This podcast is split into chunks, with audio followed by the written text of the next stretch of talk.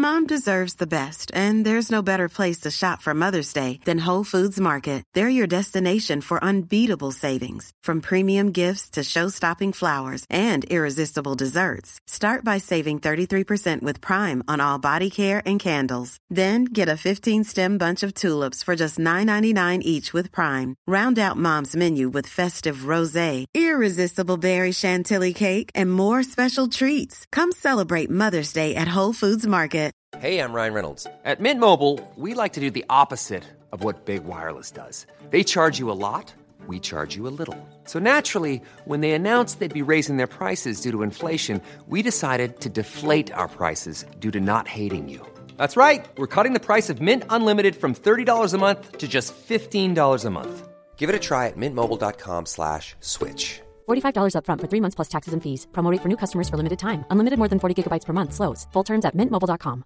Cool fact a crocodile can't stick out its tongue. Also, you can get health insurance for a month or just under a year in some states. United Healthcare short term insurance plans, underwritten by Golden Rule Insurance Company, offer flexible, budget friendly coverage for you. Learn more at uh1.com.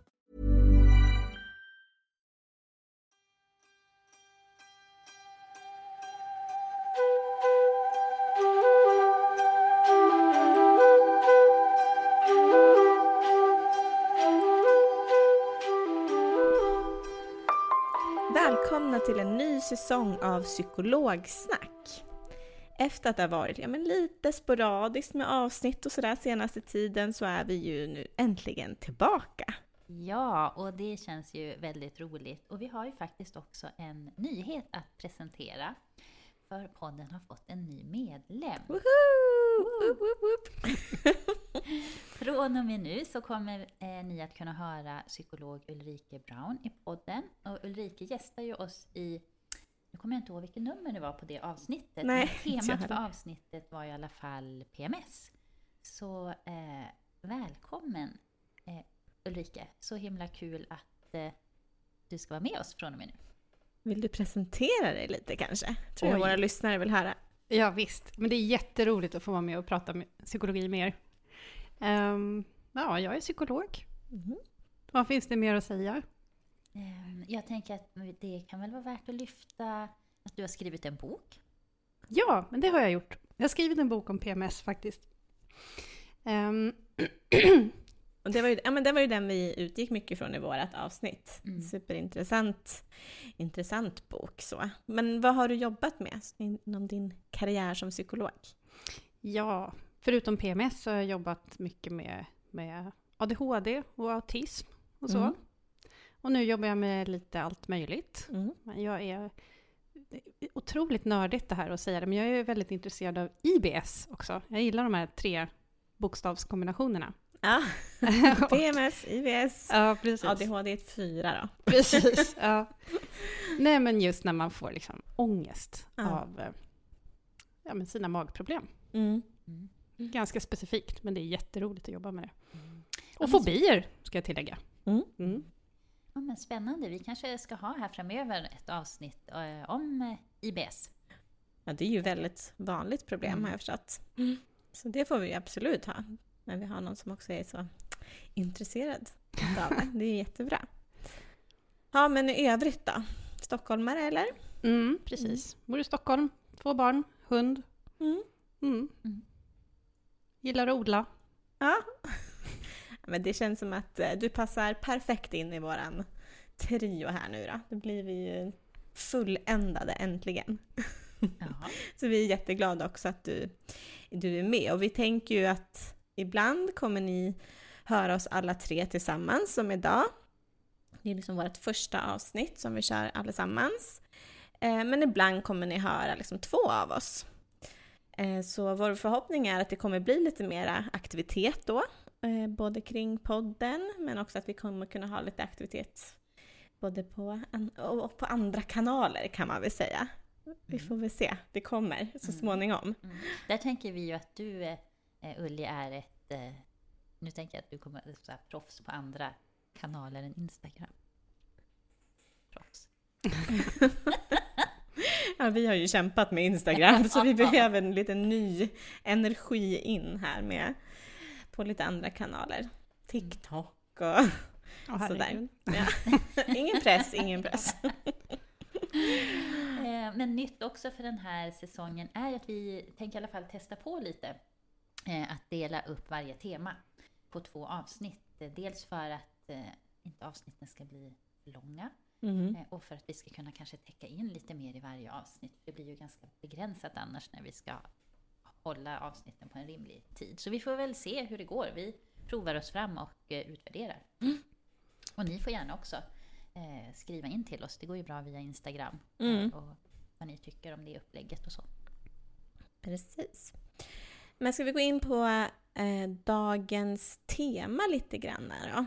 Det bygger ju lite på det som vi släppte innan sommaren som handlade om eh, parterapi när vi hade Lena Play, Len, Lina på besök. Så eh, vi fortsätter lite på samma område, så idag ska vi snacka om relationer, närmare bestämt lite mer stormiga relationer. Mm. Vi kommer att prata om utmaningar som kan uppstå i just sådana här stormiga relationer, där vi har väldigt starka känslor. Vi kommer utgå från kärleksrelationer, men vi tänker att många av de här tipsen kan man ju applicera på andra relationer också. Mm. Om det kan storma i, inte vet jag, familjerelationer, i kompisrelationer, så kan man ju faktiskt ha med sig Mm. det här även in där. Mm. Eh, och inför dagens inspelning så har vi ju läst eh, en bok som heter Känslostarka relationer av Allan E. Frusetti. Eh, och den här boken är ju väldigt innehållsrik och intressant och vi har försökt plocka ut liksom några delar som vi tycker har varit eh, viktiga och vill lyfta och som kanske kan vara till hjälp och att få en ökad förståelse både för sig, själv och, för eh, sin partner. Eh, och jag vet inte, vad tyckte ni om boken? Ja men den är ju som du säger väldigt innehållsrik. Det är ju mycket i den och man märker ju att det också är mycket som bygger på lite så här dialektisk beteendeterapi. Det är ju också där Frusetti har sin grund, liksom mycket i det här med att hantera starka, starka känslor och så. Men en, en bok som känns väldigt bra, man kan säga att det var mycket jag kände direkt det här Mm.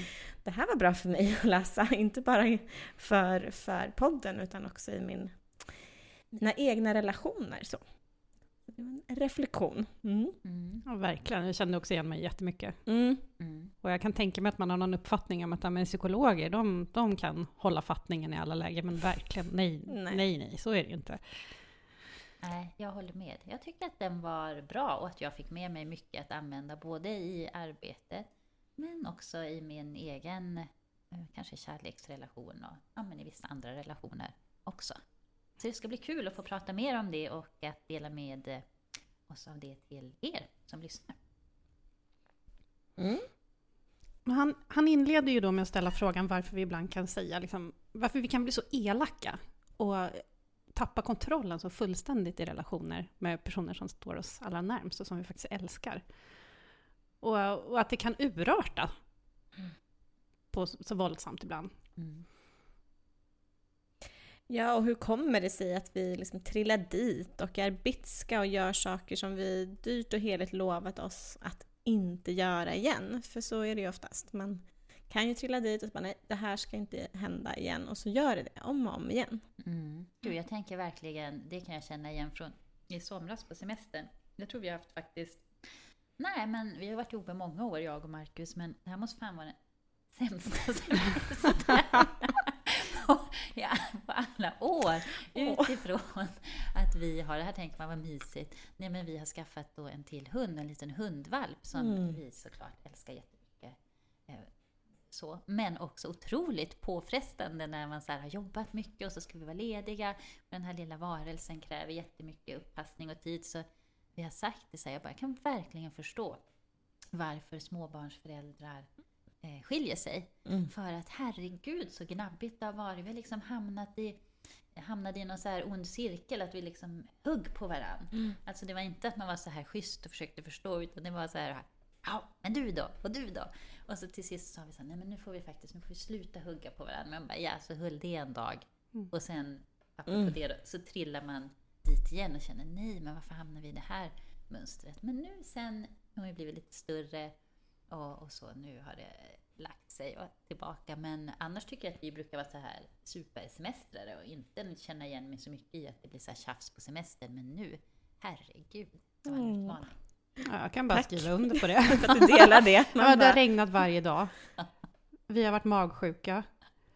Eh, ja, Ja. trängt ihop oss i en liten kolonistuga i Ja. regnet. mm. Tonårsbarn. Mm. Nej, det blev inget bra alls. Nej, men det blir inte alltid det. Och det är på något sätt så här, det, har, det är hemskt att säga, men så, så är det ju. Det går ju lite, det kan ju gå lite upp och ner. Men jag har också den här sommaren fått lära mig ett nytt, en ny saying, eller vad man ska säga, eh, när min sambo bara, men alltså nu håller du på med the, blame game. Och jag bara, ja, gud, det är det vi gör. Det är verkligen, men du då? Mm.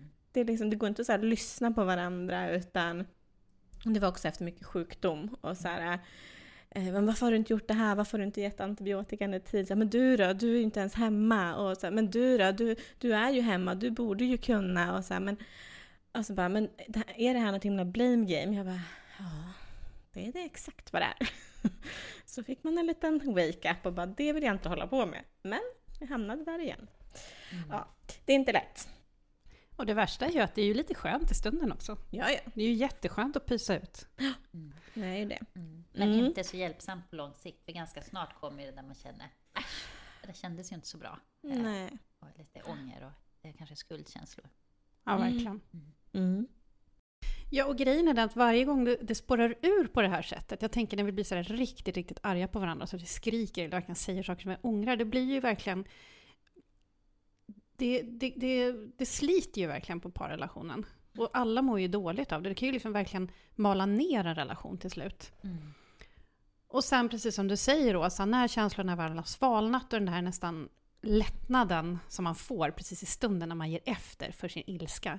När, när känslorna har svalnat då kommer ju den här bakfyllan nästan, och ånger Mm. och skam och att man känner sig ledsen och att man kanske till och med vill dra sig undan sin partner för att man skäms eller för att det blir för jobbigt att hela tiden hamna i de här eh, motsättningarna.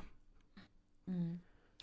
Precis, och när de här liksom negativa känslorna drar iväg, så som det kan göra när vi hamnar liksom i en, när en diskussion eller när någonting urartar och drar iväg till en eh, konflikt.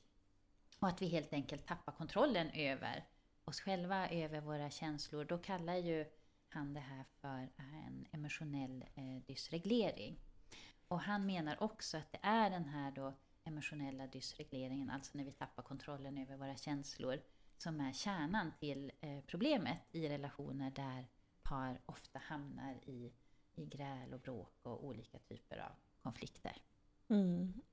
Och när vi tappar kontrollen och den emotionella dysregleringen börjar så tänker vi inte längre förnuftigt eller fokuserar på långsiktiga mål utan styrs mer utifrån målet att lindra negativ stress och de känslor vi har här och nu. Så. Det här att pysa ut, liksom, Ja. att släppa ut det. Precis. Och när vårt känslosystem blir dysreglerat så påverkar det också våra kognitiva funktioner och förmåga till liksom självbehärskning. Vi tänker ju inte lika klart. Vi blir ju dumma. Mm. Alltså, Man får vi blir liksom väldigt tunnel, ensidiga. Ja, tunnelseende på något sätt. precis. Men det kan ju också vara ändå bra lite så för en, en förståelse för sig själv. Mm. Att faktiskt veta att när känslorna blir så där starka, att då funkar inte våra kognitiva förmågor optimalt. Då är det Mm. mycket svårare att, att eh, reglera sig. Men det är ju det vi ska prata om idag. Mm. Också hur man faktiskt kan jobba eh, för att eh, komma runt det. Ja, för jag, jag bara lyssnade på en podd med, med Frusetto och då fick han frågan så här, men vad är, vad är det man oftast bråkar om? Eh, och hans svar på det var ju så här, men det är inte det som är problem, alltså det är inte det som är problemet. Att det är något visst tema, att man bråkar mycket om eh, barnuppfostran eller att man bråkar mycket om eh, hemarbete, utan det är hur, huret som ställer till det i relationer just. Så det tycker jag också är väldigt intressant. För det är ju så att det är många som bara, men vad är det som är de svåraste? Nej, men det, det är liksom hur man hanterar bråk. För olikheter och oegentligheter eller så, det kommer alltid finnas. Men det är liksom huret, det är där, det är där man kan påverka och göra skillnad. Jo, men d- där tänkte jag på ett exempel under semestern återigen. Ehm, där jag kände att jag totalt tappade kontrollen och Mm. eh, så här i efterhand undrar vad sjutton var det som hände egentligen? Det var att vi åkte på en slingrig bergsväg och eh, vi hade lite bråttom och det var några cyklister framför oss, alltså sådana här eh, snabba cyklister. Och min man körde bilen och låg precis, precis bakom dem, alltså riktigt tätt. Mm. Och det tyckte jag var väldigt obehagligt och vi var på jättedåligt humör. Ehm, och jag sa åt honom att du måste öka avståndet för att det är jätteläskigt. Tänk om någon ramlar. Mm. Äsch, de ramlar inte. Han är cyklist själv, så han hade liksom stenkoll på att de vet vad de håller på med här. Och jag byggde upp mer och mer av ångest och oro här i bilen. Att så här, men jag såg framför mig hur de cyklisterna bara åkte i en vid båge och det blev katastrof och så vidare. Så jag sa, du måste sänka farten. Nej, det är ingen fara, säger jag. Jo, du måste sänka farten! Men hör du inte, jag kan ju, jag kan det här, jag vet hur jag ska kontrollera situationen. Och jag bara fick panik och slutade med att jag vrålskrek på dem. Stanna bilen! Stanna bilen! Det kan bli en olycka! Alltså det här gick ju bara på några minuter, Mm. hur det här liksom eskalerade. Ja. Och jag fick panik. Och Och så då där har jag... kanske risken för Ja, förvisso, men jag har nog liksom aldrig varit med om att jag har skrikit på det där sättet Nej. förut. Men det Alltså låter ju sådär- som att du blev väldigt rädd. Ja, precis. Och det kunde inte jag Och förmedla i inte den situationen. bemött heller Ja, kanske så exakt. mycket i din oro. Utan så här, jag har Mm. koll. Precis. Lite klappad så här på huvudet. Exakt. Ja. Och jag kunde inte förmedla det i den situationen, för där och då reagerade jag bara totalt utifrån Mm. tunnelseendet. Och Mm. känslorna var jätte, jättestarka. ja, men Där det kan man säga att du var ett emotionellt dysreglerat tillstånd. Ja, Definitivt. Definitivt. och agerade på det. Och han också när han skrek tillbaka sen Ja. till slut. Ja, ja men det, hur gick det då? Stannade han Eh, ja, bilen? vi lugnade ner oss efter ett Ja. tag. Eh, han lyssnade på mig och eh, cyklisterna svängde av. Ja. och sen efter ett tag så, så var vi båda lite skamsna och bara vad Ja. sjutton var det som hände här egentligen? hände. Bara, tjut, ja. ja, men bra, väldigt bra exempel. Ehm, så ett dysreglerat och okontrollerat beteende är ju ganska vanligt och kan röra sig på ett spann mellan mycket destruktiva beteenden som aggressivitet till mindre aggressiva beteenden som att säga lite elaka saker eller undvika jobbiga situationer. Mm, och det finns ju flera saker som gör att vi kan, som, som bidrar till att vi, vi blir sårbara för en sån här stark känsloaktivering. Som i sin tur då startar en sån här emotionell dysreglering, alltså att vi spårar ur helt enkelt. Så att man kan säga att den här emotionella dysregleringen, alltså den här spåra ur processen, den startar när vi hamnar liksom i en flyktreaktion i kroppen. En sån här hotkamp och hotflyktreaktion. Eh, mm. Och det handlar om vilken känslighet man har för saker som händer i förhållandet. Saker som en partner eller andra gör eller säger. Eh, vissa är helt enkelt mer emotionellt känsliga än andra på samma sätt som att vissa har känsligare doftsinne, hörsel och så. Eh, personer med en hög emotionell känslighet, känslighet tycks ibland intuitivt förstå hur andra mår och så. Men där är det ju också viktigt att säga att det inte det är inte så att det ena är bättre än vad det andra är, utan det är helt enkelt bara så här, vi är lite, där är vi olika. Ibland är det en fördel att vara det och ibland det, kan det vara en nackdel. Så. Mm. Att vi fungerar olika helt enkelt. Ja. Eh, för i motsats till det här då så kan en person med en låg emotionell känslighet ibland ha då svårare att förstå Eh, vad andra känner och eh, om man har liksom en låg emotionell känslighet så kan man behöva lite mer eh, förklaringar och kanske mer tydliga och konkretare önskemål för att man också faktiskt ska ha en chans och en möjlighet att vara eh, tillgänglig känslomässigt och kunna stötta och också vara mottaglig för den andra partners eh, behov. Det här kan ju verkligen bli en krock. Om den ena har en låg emotionell känslighet och den andra till exempel har en hög emotionell känslighet så, så händer det ju ofta att den ena parten känner sig missförstådd eller, eller får en helt felaktig uppfattning om att den andra kanske inte ens bryr sig. Mm. Mm. Som i bilexemplet här till Mm. exempel. Precis. Ehm, och sen kan det ju också såklart vara eh, så att vi eh, människor kan vara känsliga när det gäller Ehm, liksom vissa situationer eller när vi kommer in och ska prata om vissa ämnen, att det kan vara mer triggande eh, av olika anledningar. Och Frusetti han menar att de här olikheterna eh, i den här övergripande emotionella känsligheten, eh, den påverkas och bestäms av ja, men det man tänker som så här klassiska utvecklingsprocesser. Alltså till exempel, vad har vi varit med om under vår uppväxt? Hur hanterade våra föräldrar konflikter? Och ja, men också en sån sak som vad har vi för eh, grundtemperament? Det skiljer sig också åt. Eh. Mm. Det kan man ju ofta se redan tidigt med, med små barn, alltså redan på bebisstadiet. Mm. Att man Olika, har ja. olika temperament. Mm.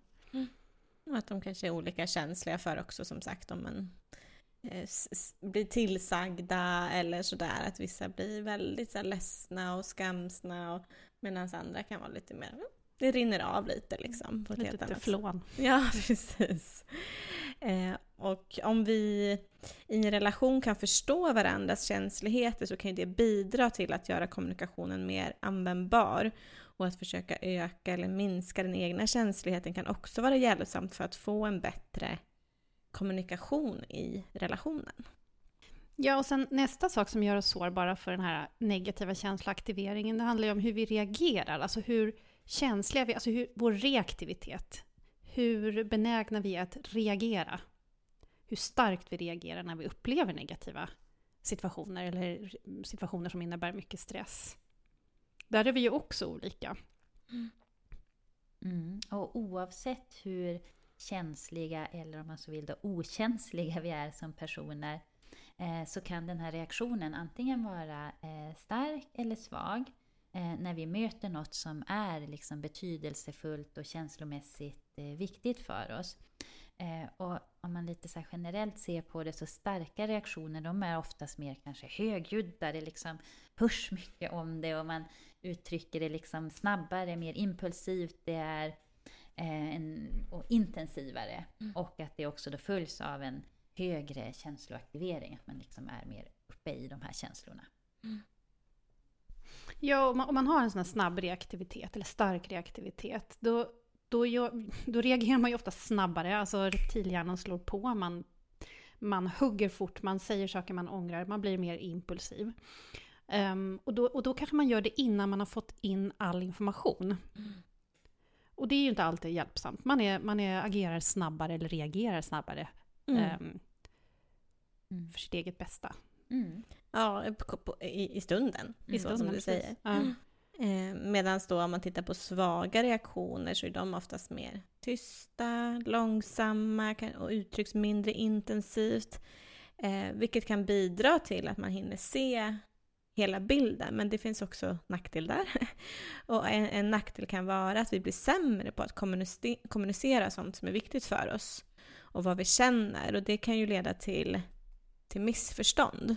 Och det kan ju också leda till då såklart att den andra upplever att man inte riktigt bryr sig eller så här, väcker inte det här någonting och så. Mm. Så att en viktig del där i att då lära sig att förhålla sig till och hantera sina egna känslor blir ju att lära sig att liksom balansera eller reglera den här eh, reaktiviteten. Om man nu har att man är mer liksom ha en hög reaktivitet, alltså handla snabbare och mer högljutt, då kanske man behöver tänka lite att man så här man tänker som en reglageknapp, skruva ner lite grann. Medan om man då har mer de här svaga reaktionerna, då kanske vi behöver träna på ibland att så här, reglera upp, skruva upp volymen eh, lite grann för att göra våra eh, behov eh, hörda. Mm. Men den här sårbarheten den handlar ju också liksom om hur snabbt vi, vi återhämtar oss från en sån här reaktion, från sån här sta- starkt, starkt känslopåslag. Och där är vi också olika, för vi har ju alla liksom ett känslomässigt grundtillstånd. Och när vi har balans i våra känslor så upplever vi ofta att, att tillståndet är kontrollerat, att vi kan tänka vi, klart, vi kan agera klokt och målmedvetet, vi har liksom koll på läget. Men där är vi också olika hur snabbt vi går ner igen till det här grundtillståndet. En del behöver väldigt lång tid på sig att smälta det som har hänt och liksom lugna ner oss, medan Mm. andra kan göra det på några sekunder. Mm. Ja. Har vi några exempel på det? Hur det kan se ut? Är man olika? Jag tycker att jag kan se det i min relation, att vi, där är vi lite... Där är vi lite olika. Jag kan gå alltså, ganska snabbt tycker jag. Jag, kan, jag vet inte. Att jag kan, kan gå upp i det ganska snabbt men jag kan också ganska snabbt så här, lugna mig och komma i balans och bli lite mer det här mitt klokare jag. Så. Medan jag tycker att det kanske är tar lite längre tid för min partner, jag vet inte. Kul, för jag det jag in med samma. lite kritik här.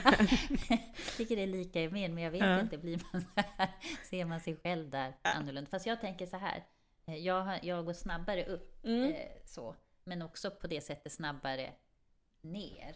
Men då kanske det är att, eh, i min relation då, att, ehm, att Marcus, där är en längre sträcka upp, vilket då kanske gör också att det får ta lite längre tid att återhämta sig. Men det Mm. blir också viktigt att lära sig att förstå varandra i det. Ja, att man är olika. Mm. Och att det, återigen, det ena är ju inte mer rätt än det andra. Så att man börjar liksom ehm, döma varandra på grund av det eller liksom så. Utan Mm. det, där är vi bara helt enkelt olika.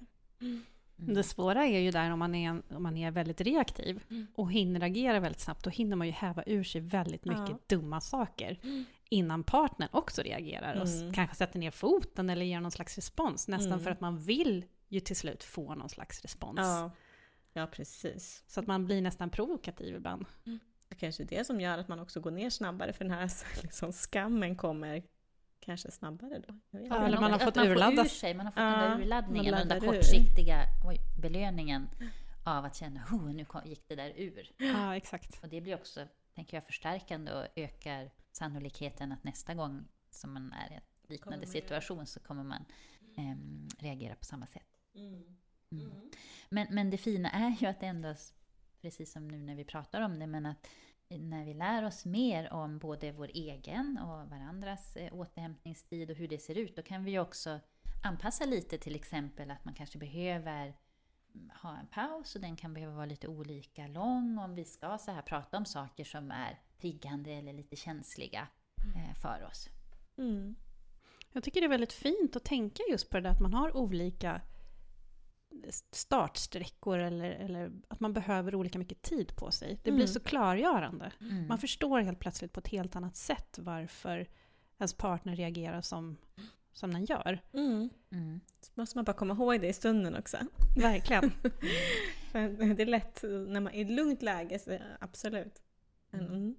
Ja, men jag tycker det är hjälpsamt eh, när jag läste om det här att se på det både ur det här med den här eh, känsligheten, reaktiviteten och återhämtningstiden. Alla de delarna och hur de påverkar och hur det kan se olika ut för oss att så öka ja, men faktiskt förståelsen både för mig själv och mitt eh, Mm. fungerande men också att tänka kring andra och ja, men i relationen men i andra relationer också. Jag tyckte att det var en liten en bra sak att Mm. ta med sig. Så sammanfattningsvis kan man väl just säga det att eh, hög emotionell känslighet, stark reaktivitet och lång känslomässig återhämtningstid kan göra att vi har lättare att bli upprörda eller tappa kontrollen i flera olika situationer. Ja, och sen så kanske man överreagerar i vissa situationer men har tvärtom för svaga reaktioner i andra situationer. Det blir ju jättesvårt för ens partner att förstå hur, hur eh, han ska bemöta en. För det blir så väldigt oförutsägbart. Mm.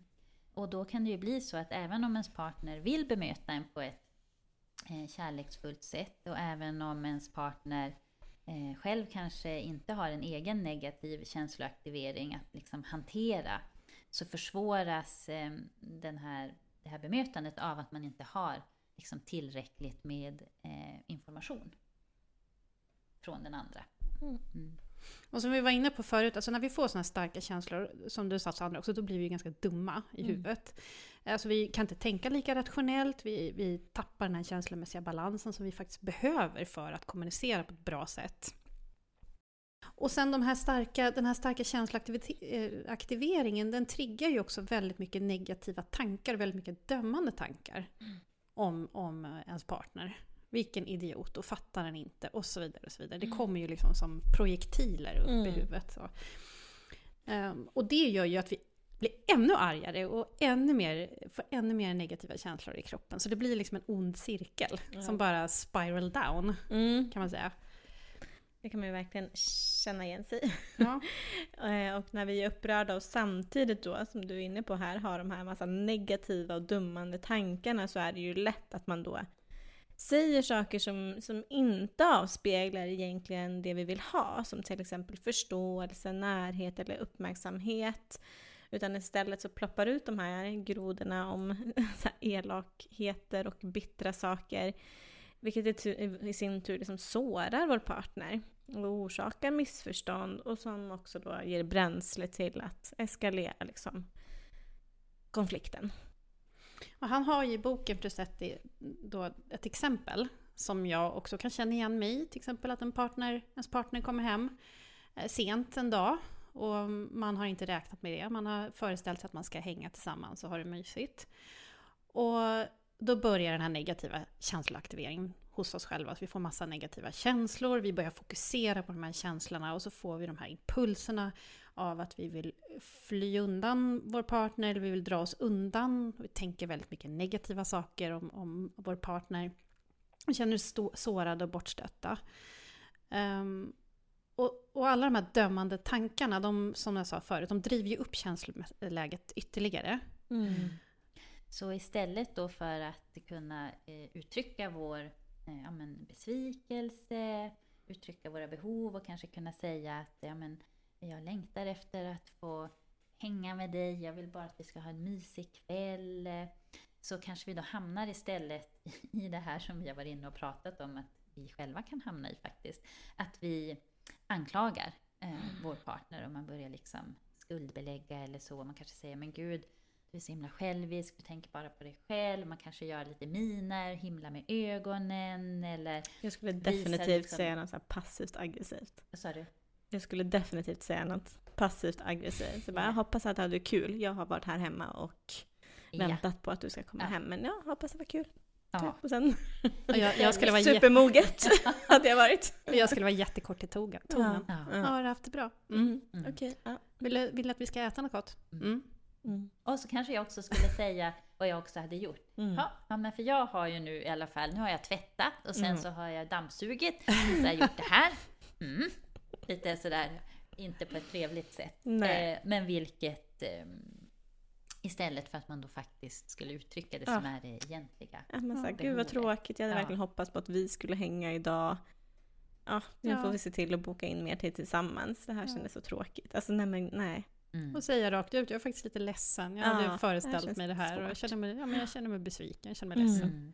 Ja men så det här kring då, alltså hur vi tänker kring en situation eller det vi kanske också själva då intalar oss kring den här eh, hur situationen ser ut. Det kan ju antingen så lugna ner känslorna mm. eh, eller kan fungera då att det triggar ännu mer av de här starka känslorna och den här eh, ja, negativa känsloaktiveringen.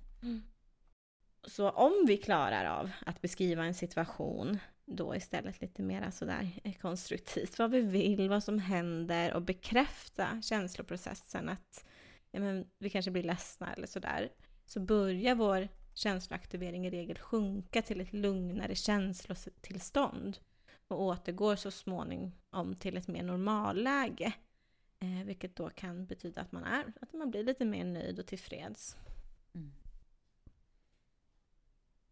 Ja, men om vi då istället liksom dömer en situation och dömer vår partner, alltså att hen gör rätt eller gör fel och så vidare. Då, då hamnar vi just i ett katastroftänkande kring situationen. Alltså det blir väldigt, vi eldar upp oss själva helt enkelt. Eller att vi har väldigt låga eller negativa förväntningar. Ehm, då fortsätter ju vår, vår den här känslor, de här starka känslorna ligga kvar på en hög nivå. Eller de kanske blir ännu högre, triggar upp oss själva ännu mer, vilket gör att vi ännu mindre kan tänka eh, klart. Och att vi handlar ännu mer eh, oförutsägbart eller ogenomtänkt. Mm. Och efterhand så brukar de allra flesta paren utveckla liksom ett, ett sätt, ett mönster att interagera med varandra i konfliktsituationer. Och det här kallar just för sättet för konfliktmönster. Eh, och med konflikt menar man när det finns någon form av meningsskiljaktigheter. Och de här mönstren kan ju skifta från, ja men skifta lite beroende på situation eller ämne, men är oftast ganska konstanta. Att man hamnar i den här dansen, eller vad man ska säga. Blame game kanske, eller vad det nu är. Man hittar ett sätt att konflikta på. Mm. Och där är ju målet såklart att vi ska eh, hitta mer liksom hjälpsamma eh, och eh, ja, men konstruktiva interaktionsmönster i hur vi bemöter varandra. Mm. Mm, det innebär ju att man tar upp saker som större när, när de är viktiga. Och att vi då gör det på ett, ett eh, icke-aggressivt sätt. Alltså inte konfrontativt. Och fokuserar mer på att beskriva och vara extremt tydliga. Alltså extremt tydliga och extremt sakliga. Men det förutsätter ju också att vår partner är med på noterna och lyssnar, försöker förstå, verkligen försöker förstå budskapet. Och kommunicera tillbaka till oss, alltså verkligen får oss att, alltså bekräfta oss i att, att partnern har förstått vad vi försöker säga. Även om man inte håller med. Och det här låter ju jättetort och tråkigt, men, men det är väldigt, väldigt effektivt att göra så. Mm. mm. Ja, för om vi då kan skapa de här liksom mer konstruktiva interaktionsmönstren, hur vi bemöter varandra, så hjälper ju det oss att bli bättre på att ja, men lösa våra problem. Och eh, när vi kan göra det på ett eh, sånt lite torrare och sakligare sätt så kan det ju faktiskt också att vi gör det med respekt för varandra och att det i förlängningen också stärker eh, vår eh, relation. Istället för att man hamnar längre och längre ifrån varandra, att man faktiskt kan hitta ett eh, starkare vi i Precis. relationen. Det Mm. inte blir den här polariseringen som jag vet att vi pratade lite om i förra avsnittet också. Att man börjar liksom, man kommer längre och längre bort.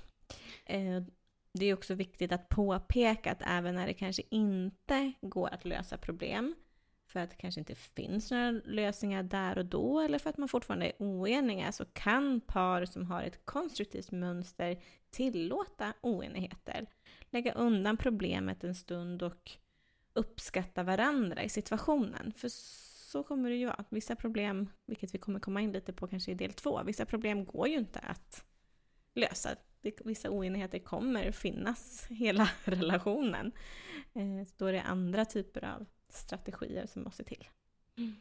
Ja, och om vi då eh, har den här förmågan, eller om vi lär och utvecklar oss kanske förmågan att utforska eh, konflikter, så kan det precis som, vi, som jag sa tidigare där, göra att man som par kommer eh, närmare varandra och att det också kan ja, men öka den, att man får en större förståelse för varandra, för varandras eh, behov eh, och att man kan lösa eh, sådana här små vardagliga tjafs som eh, kan uppstå, att det kan man liksom också förekomma så att det kanske inte uppstår lika ofta. Nej.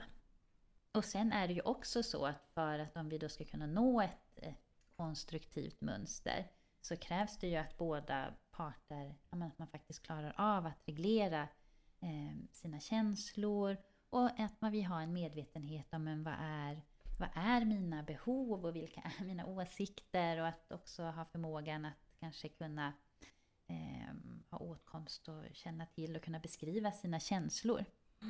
För när vi har mer balanserade känslor då har vi också lättare att kunna uttrycka oss på det här icke-aggressiva eh, sättet. Och det blir också lättare för oss att ta in och lyssna och validera, eh, alltså bekräfta vår partner utan att vi hamnar i det här som vi har varit inne på, att vi lätt kan hamna i att man kanske Mm. går i försvar och börjar anklaga varandra. Mm. Och det här är ju liksom åter, det är ju återkommande i allt. Alltså, kan vi vara närvarande? Det har vi pratat om i massa avsnitt tidigare också. Att man kan gå in och vara medveten om vad känner jag, vad tänker jag i den här situationen? Så kan man också liksom agera på ett mer långsiktigt konstruktivt sätt. Sen är ju det svårt, men man behöver ju man behöver ju träna på det. Och i boken så har ju Frisette med ett helt avsnitt just om det här med känslor och och hur man kan eh, liksom etikera, etikera, säger man det? Ja, Etikettera. etikettera precis det och göra dem medvetna och så. Ehm, men vi har valt att inte liksom fördjupa oss det i det här avsnittet för vi har ju också ett avsnitt om känslor. Så är man sugen på att höra mer om känslor så kan du ju alltid lyssna, lyssna på det då. Mm. Men vi tänkte bara nämna några, lite kort kort, Mm. om känslor ändå. Svårt att låta bli. Ja. eh, nej men det har ju i forskning visat sig att det är en väldigt viktig eh, färdighet att kunna just det här att namnge eh, sina känslor, att sätta ord på vad vi känner. Eh, och att det hjälper oss då att veta vad vi vill och hur vi bör handla i olika situationer. Och ju fler ord som vi har för våra känslor, ju, ju bättre vi blir på att kunna beskriva känslorna och ja, på olika sätt så är det hjälpsamt eh, för oss. Mm. Och det hjälper oss också då, som vi sa, att få det här mer konstruktiva Mm. eh, eh, relationsmönstret, interaktionsmönstret. Och det fina är ju att man kan ju öva upp den här färdigheten. Alltså Mm. det här är ju verkligen någonting man kan lära sig. Att Mm. börja känna igen känslorna snabbare Mm. och sätta ord Mm. på dem. För det är ju Mm. väldigt många som tycker det är svårt att veta vad Mm. sjutton känner vi egentligen. Mm. Och det är ju flera olika processer i oss som, som påverkar hur känslor utvecklas. Det första är ju just att vara medveten om vad vi känner. Men sen också hur kommunicerar vi dem? Alltså hur beskriver vi dem till vår partner? Och hur bemöter vår partner oss i de här känslorna? Framförallt då, då som de som står oss allra närmst. Ehm, För det, allt det här kommer påverka våra känslor i slutändan och intensiteten i dem. Så om vi bemöts med förståelse och blir bekräftade i dem, då kan det bli liksom som bomull, det lindrar sårade känslor. Mm. Men om de inte blir bekräftade, eller på psykologspråk validerade då, som Mm. vi brukar säga, då gör det att vi blir ännu sämre. Så att här har ju vår partner ett jättestort jobb att göra, att faktiskt bemöta oss i våra känslor. För det här vi- kan ha en direkt effekt på hur de utvecklas. Mm. Och vi att bemöta vår partner. Ja, Ja, Mm. alltså validering, det är ju det shit alltså. verkligen. Det gör så stor skillnad att Mm. bara att bli bemött med det men också att bemöta med det. Mm. Alltså just jag tänker den här känsloaktiveringen, hur ganska snabbt den lugnar sig av om en partner säger så här, men oj jag ser att, oj har du, blev du ledsen? Eller så här, oj jag ser att du är ledsen, okej jag förstår, det var inte, det var liksom inte min mening eller så. Då kan man ju säga, okej, då kan man då kan ju vända en hel konfliktspiral till att bli närhet, Mm. tänker jag. Mm. Men också när man själv gör att så här, man får ju åtkomst till helt andra perspektiv om man bara försöker liksom sätta sig in lite i den andra personens perspektiv. Det betyder, behöver ju inte betyda att man håller med om själva sakfrågan. Där kan man ju vara så här, nej men gud, nej men jag, jag var inte ute sent för att vara taskig. Liksom. Det är inte, men man kan ju verkligen validera känslan av att det är så det kan uppfattas. Att okej, du uppfattar att jag var taskig. Mm. Ja, det kan jag ändå köpa. Liksom, så. Men, men jag håller inte med om att jag gjorde det för, därför att. Liksom så.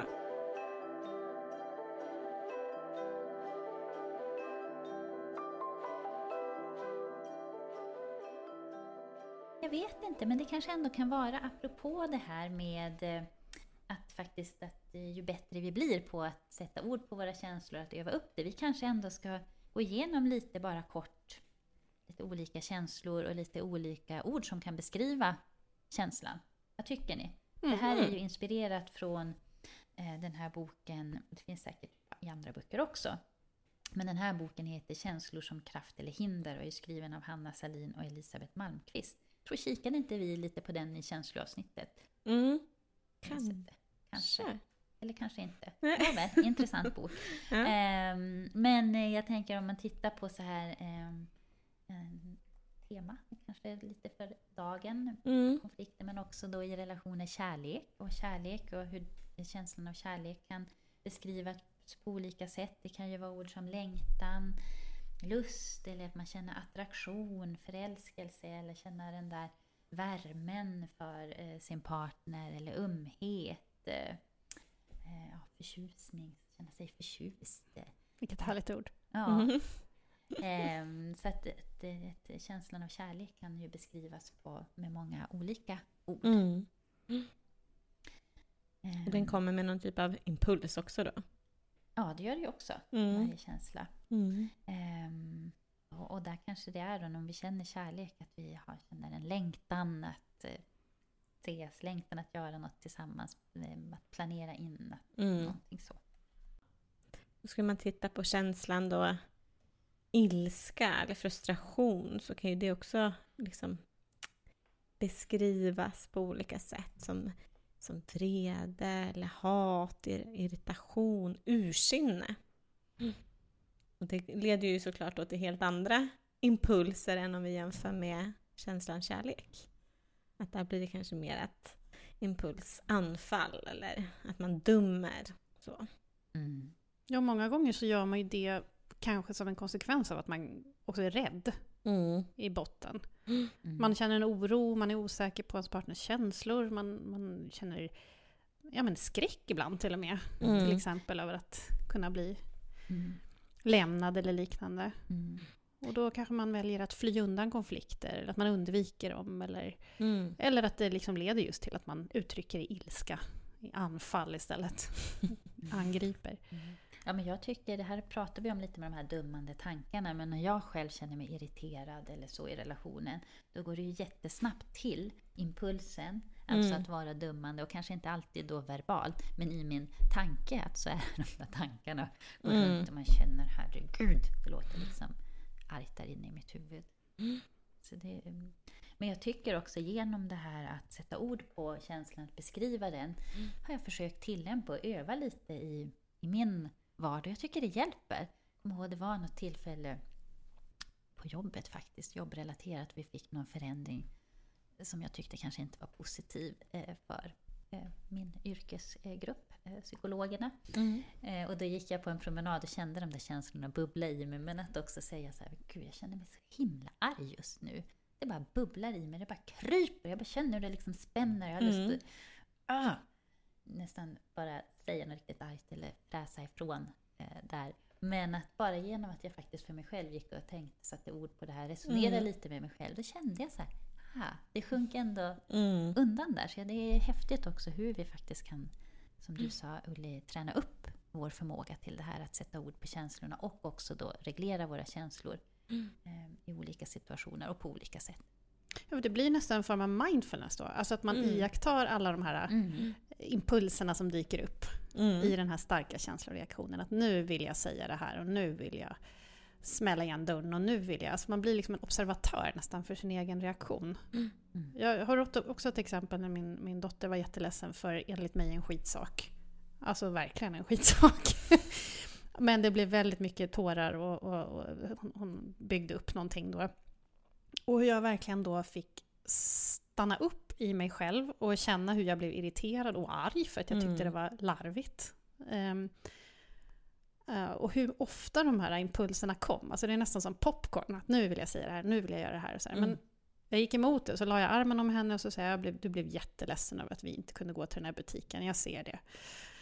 Och det tog verkligen emot att gå emot alla de här grejerna. Men, men eh, det, var, det var som att det hände lite. Det blev lite magi nästan. Mm. I början så blev hon ännu ledsnare för att hon fick utrymme för att gråta. Mm. Och så, men sen till slut så liksom lugnade det ner sig Mm. helt av sig självt. Eh, För jag vet att i annat fall så hade jag kanske sagt, nej men snälla någon, det var väl inte så farligt. Och det där kan vi göra imorgon och, och så Mm. vidare. Jag hade ju inte bekräftat henne i de här starka känslorna som man kan Mm. ha när man är tweenie-åldern. Mm. Ja, Ja, vad fint bra. att det fick plats och också att hon fick vara lite, som sagt, att den där ledsenheten och besvikelsen fick utrymme. Ja. Och sen Mm. så här plana ut och lugna Mm. ner sig. Och Istället för att möta på motstånd och bara så, Ja. men nej det där är väl inget att vara ledsen för. Mm. Då blir det ju mer motstånd istället. Från båda sidor kan jag tänka mig. Mm. Men jag tänker, är ni nyfikna, om du som lyssnar är nyfiken, så kan man ju faktiskt också, eh, gå säkert fint att googla upp eller titta i någon bok, till exempel den här vi nämnde eller så, där man kan läsa mer om, om känslor och få mer ord för känslor och också lite de här känslomässiga impulserna som följer med varje känsla som vi känner. För det är ju bra att, att, att lära sig mer om det, för det blir lättare för oss att kunna fånga de här känslorna och få mer nyanser på våra känslor i vår vardag när vi Mm. orden för dem. Verkligen. Eh, Men då en helt annan sak som också är viktig eh, för att vi ska må bra, eh, såklart både som individer och i vår relation, är ju det här med acceptans. Att ha acceptans både för sig själv och ens egna behov och sätt att fungera och vara, men också en acceptans för sin partner och partners behov och sätt att fungera och vara. Ja, precis. För i förhållanden så påverkar ju det jag gör som individ både den andra personen och relationen. Vi lever inte i några liksom, isolerade bubblor, utan det man själv gör påverkar den andra personen och det den andra personen gör i sin tur påverkar ju en själv. Ja, och det här återgår ju, liksom, det här gyllene regeln, om man ska säga, det, det återfinner man ju i många religioner till exempel, eller filosofier. Och det sammanfattar just det här att man ska göra mot andra som man själv vill bli behandlad. Och gör inte det mot andra som du inte vill ska ske mot dig. Det är ganska enkelt. Mm. Och den är ju väldigt användbar i en nära relation, men vi glömmer ju lätt bort den. Mm. Så det kan vara viktigt att påminna sig om. kan man ibland ha med lite så här, eh, tänker jag, ska man kunna ha som en liten utmaning under en dag eller så, att så här, tänka så här, men det jag gör mot andra, det påverkar eh, mig själv. Alltså som en liten påminnelse i kanske öka medvetenhet om sina beteenden eller att välja mer att agera istället för att reagera. Det intressanta är också, jag tänker när man jobbar med, med par och sådär, det är ju hur snabbt det kan förändra atmosfären i en relation. Mm. När en av partnerna, partnerna börjar förändra sitt beteende på det här sättet. Det kan gå ganska snabbt, Mm. har jag märkt. Och även där kan det just vara, tänker jag, så viktigt att... Det låter ju jätteklyschigt, men att så här, be the bigger person. Någon måste börja. Eller hur? För som du säger, om en börjar förändra och göra på ett annat sätt så blir det så mycket enklare att man inte blir den där som bara, "Nej, jag tänker fan inte vara den som börjar validera och lyssna. Alltså, det är så här, det kanske är värt det. Mm. Släpp den här, testa och vara den som liksom börjar och se vad som händer. Och det innebär ju att man blir sårbar. När Mm. man är den som lägger ner vapnen ja, först. Jo, Så det krävs ganska mycket mod. ja, Men man har nog mycket att vinna på det. verkligen. Bara ett litet tillägg till det här också, för jag tänker det kan ju faktiskt också låta lite käckt när man säger så här, men det jag gör mot andra påverkar mig själv, är väl det här som vi var inne och pratade om. Att såklart när vi är i en stark negativ känsloaktivering, när vi känner väldigt mycket och kanske är väldigt upprörda, så fungerar våra liksom, eh, kognitiva förmågor sämre. Vi får eh, svårare att tänka klart, att tänka förnuftigt, att tänka långsiktigt. Eh, och så tappar vi omdömet och kommer inte alls ihåg det här. Nej. Så jag tänker, mm, det behöver man ju också påminna sig om och inte sätta för höga krav på sig själv. Att man kan behöva börja träna kanske i lugnare situationer och när vi har tränat i lugnare situationer så kan det vara lättare Mm. när det är tuffare lägen. Och herregud, det kan ju vara svårt även fast jag tänker alla vi tre jobbar ju som psykologer, kan det här, vet mycket, övar på det. Ja, och det har ni ju hört. Vi har ju alla här hamnat i situationer när, Ja, när, gud, vi ja, har, hela tiden. när man har tappat det, där vi inte alls tänker så här. Det jag mot andra, det påverkar mig själv. Nej, verkligen inte. Det blir, man blir nästan provocerad. Ja, nej, det- är jätteviktigt att träna på det i lugna situationer, jag håller helt med. Mm. Och också ibland kunna liksom komma tillbaka efter en konflikt och så här, vet du nu hur jag har tänkt? Nu när jag har lugnat ner mig så tänker jag så här och ja. Det, det, det ska ju inte vara ett återkommande mönster att bråka och sen säga förlåt. Men det är ju ändå en början, tänker jag, på en förändring. Att man säger du nu har jag tänkt, eh, så här blev situationen utifrån mitt perspektiv. Så här kände och tänkte jag, nu behöver jag eh, hjälp att, att liksom agera på ett annat sätt framöver. Kan vi hjälpas åt liksom? Ja, och sen behöver ju inte, behöver inte bli så svart eller vitt, att från och med nu ska jag göra rätt i alla situationer. Man kan ju ha som, precis som, som, som du säger, en målsättning om att ja, men minska ner i alla fall. Mm. Och ett, ett förutsättning är ju att man faktiskt bestämmer sig Mm. för att göra en, Mm. ett försök. Mm. Det är ju det allra första steget. Mm. Mm. Och att bestämma sig handlar ju helt enkelt, om vi ska vara tydliga här, om att vi i, kanske i förväg bestämmer oss för alternativa reaktioner, alltså alternativa beteenden som vi kan testa att använda när vi är i en situation när känslorna stormar och det liksom är en konflikt. För att det är lättare om vi har bestämt oss innan och kanske också ha med oss lite det där, men det här ska jag prova nästa gång jag är i den här situationen Mm. då har vi faktiskt lite bättre förutsättningar att lyckas med förändringen där och då i stunden. Mm. Ja. Och, och där kan man ju se det lite att man, man förbereder sig inför att nästa gång det här inträffar, då ska jag se det som ett experiment. Mm. lite grann. Att, att, för, att förut, vad ska man säga, planera för det nästan. Då ska jag göra de här, de här, de här sakerna. Det kan lyckas faktiskt. Ja, men Man har en tydlig plan. Ja, men verkligen, tänker på det exemplet att personen man sitter hemma och väntar så kommer eh, partnern hem sent. Att då har man ju lite tid faktiskt. Okej, vänta nu, nu börjar det här komma, jag börjar bli irriterad, vad är klockan? Att då kanske förbereda sig lite för det. Att så här, varför blir jag irriterad? Varför känns det så här? Och hur vill jag tackla den här situationen när han kommer hem? Och då, och då som du säger, liksom börja förbereda sig. Kanske ha ett litet manus liksom för sig själv. Så.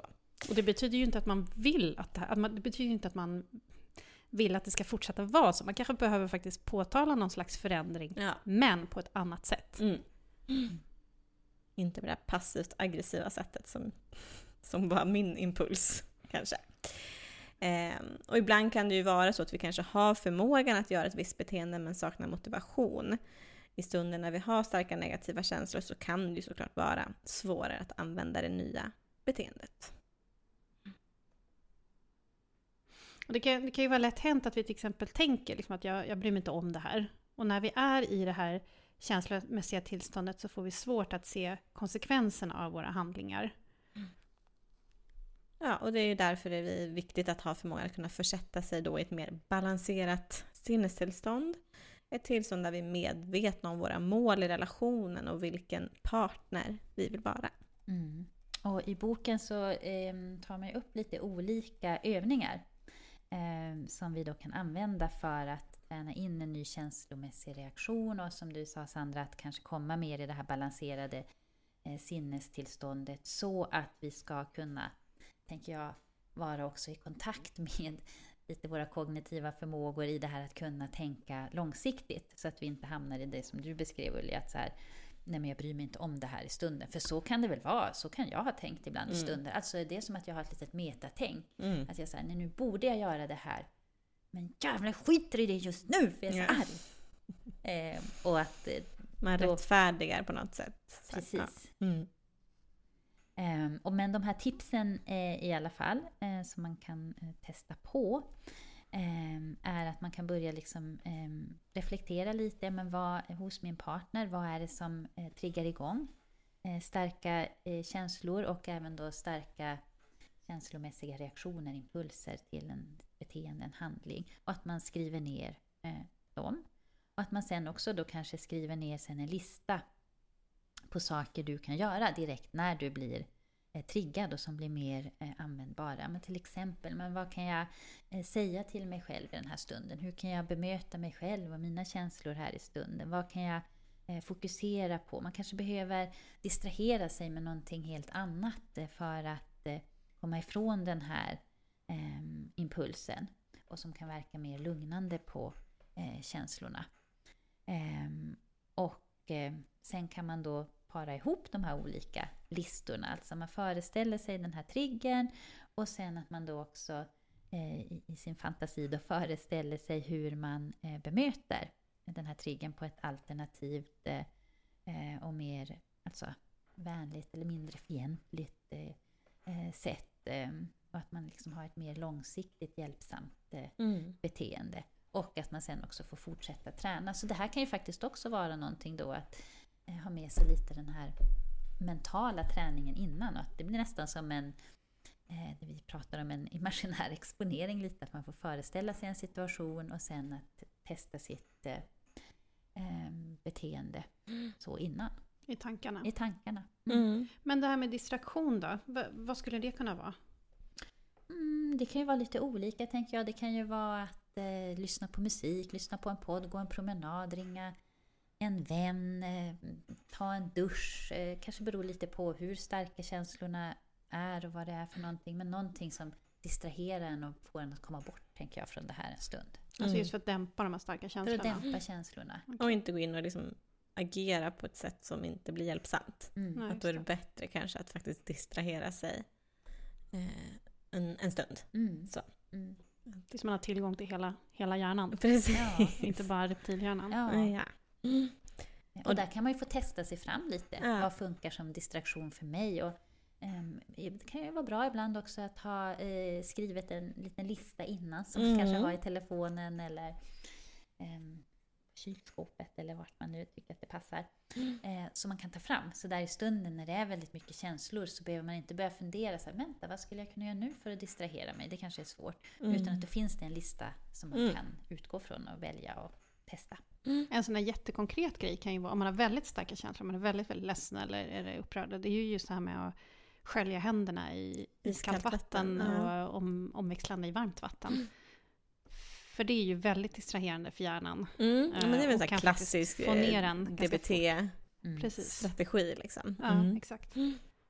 Absolut, ja det kan ju behövas någon sån ganska vad ska man säga, kraftfull distraktion och ibland kanske det är så här, men det är att gå iväg och lukta på blommorna. Eller vad det kan vara. Gå ut i trädgården om man gillar det liksom en liten stund. Så. Ja, det finns ju otroligt mycket att säga eh, och prata om när det gäller att förändra beteenden och här går vi ju liksom igenom några tips och strategier kring, kring det här.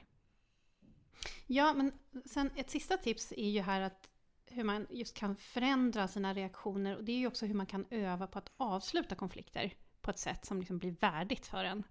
Och som vi nämnt så är det ju ett stort problem med att, att, att, man blir sådär upprörd och känner sig uppjagad. Och det är ju att vi då tappar förmågan att tänka klart, vi får tunnelseende. Vi kanske inte hittar de rätta orden som skulle kunna göra situationen bättre. Utan vi kanske istället hör oss själva samma, säga samma, samma negativa saker om och om igen som jag sagt tusen gånger förut. Och som vi vet faktiskt inte fungerar. Och ändå gör vi det. Mm. Ja, och därför kan det ju vara hjälpsamt att i förväg bestämma sig för och öva in några fraser att använda när man befinner sig i en konflikt. Och det finns ju, de här råden finns i boken, men till exempel så, så um, säg att, ja men konstatera att ni grälar och säg att du inte vill det. Eh, det kan ju vara liksom en, en, kan man säga att det kan vara en, en, en fras eller säg att du är ledsen eller känner någon annan primär känsla. Vad är primärkänsla nu igen då? Eh, ja men det kanske är det här att man är super, super arg som kommer ut. Men egentligen så kanske den primära känslan, om vi återgår återigen till det här exemplet, är att man känner sig ledsen, besviken, man kanske känner sig bortprioriterad. Men det som kommer ut är kanske att man blir förbannad och arg och passivt aggressiv. Så. Mm. Eh, så att, ja men, så här, ja, att, att sätta ord på det. Um, eller säga att man säger, men jag vill dig eh, jag vill dig väl och jag vill hejda den här negativa liksom, utvecklingen som sker. Eh, eller säga att du bryr dig mycket om din partner och vill förstå men att du inte klarar det just nu. Du kanske är så mycket uppe i den här känsloaktiveringen att du behöver ta en liten paus. Så då kan man ju då också ha det som en fras kan vi ta en paus och återuppta det här samtalet lite senare. Då kan det ju räcka med att gå på toaletten. Liksom. Ja, Fem, tio minuter. Bara andas Rida lite. ut den här känslomässiga stormen. Mm. Mm. Det beror på hur Det- lång tid det tar för en i och för sig. Men Ja. Jag tror att det är jättebra att ha några sådana här när man märker att nu är det här på väg åt fel håll. Att så här, vad kan jag ta till då? Om jag inte ska distrahera mig direkt, för det kan ju också vara bra. Men om man istället väljer att liksom bemöta den på något sätt, eh, verbal kommunikation, så, så kan det vara bra att, att man har några sådana till hands lätt. Mm. Och vi kommer ju prata, tänker jag också i del två, mer om, man väl ändå säga någonstans så här, eh, beteendeförändring Mm. eh, och så. Så vi kommer inte släppa det helt. Om vi ska sammanfatta allt det här som vi har pratat om nu då.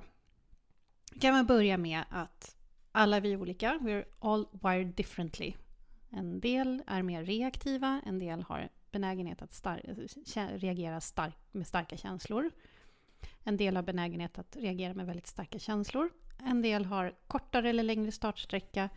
Och eh, ja, sen beror det på hur snabbt vi, vi återhämtar oss efter en sån här stark känsloreaktion. Och det är ju till, mycket, till mycket, mångt och mycket genetik och tidigare erfarenheter. Så vi är alla olika, men de goda nyheterna är att vi kan lära oss att reglera våra känslor med hjälp av olika tekniker på olika sätt som vi ska gå in på i nästa avsnitt också. Mm. Vi kan lära oss att bemöta vår partner utifrån dennes reaktionsmönster. Men vi kan ju agera på ett, på ett sätt som är mer i linje med vad vi faktiskt vill i vår relation. Mm. Tänker jag, snarare än att så här, bli reaktiv och elaka och sådär. Att vi faktiskt kan då... Så men vad är, vill vi vara kärleksfulla, vill vi ha en relation till den här partnern så kan vi då försöka hitta det här mer konstruktiva mönstret. Och kanske undvika det här konfliktmönstret som Frusetti pratar om. Mm. Så vi får plocka upp den tråden helt enkelt Mm. I del två. i del två. Så tack för att ni lyssnade idag. Så ses vi snart igen. Men det gör vi. Och vi kanske också ska säga då, eh, kul Ulli att ha dig med Mm. på premiäravsnittet här nu. Jätteroligt. Tack, hejdå!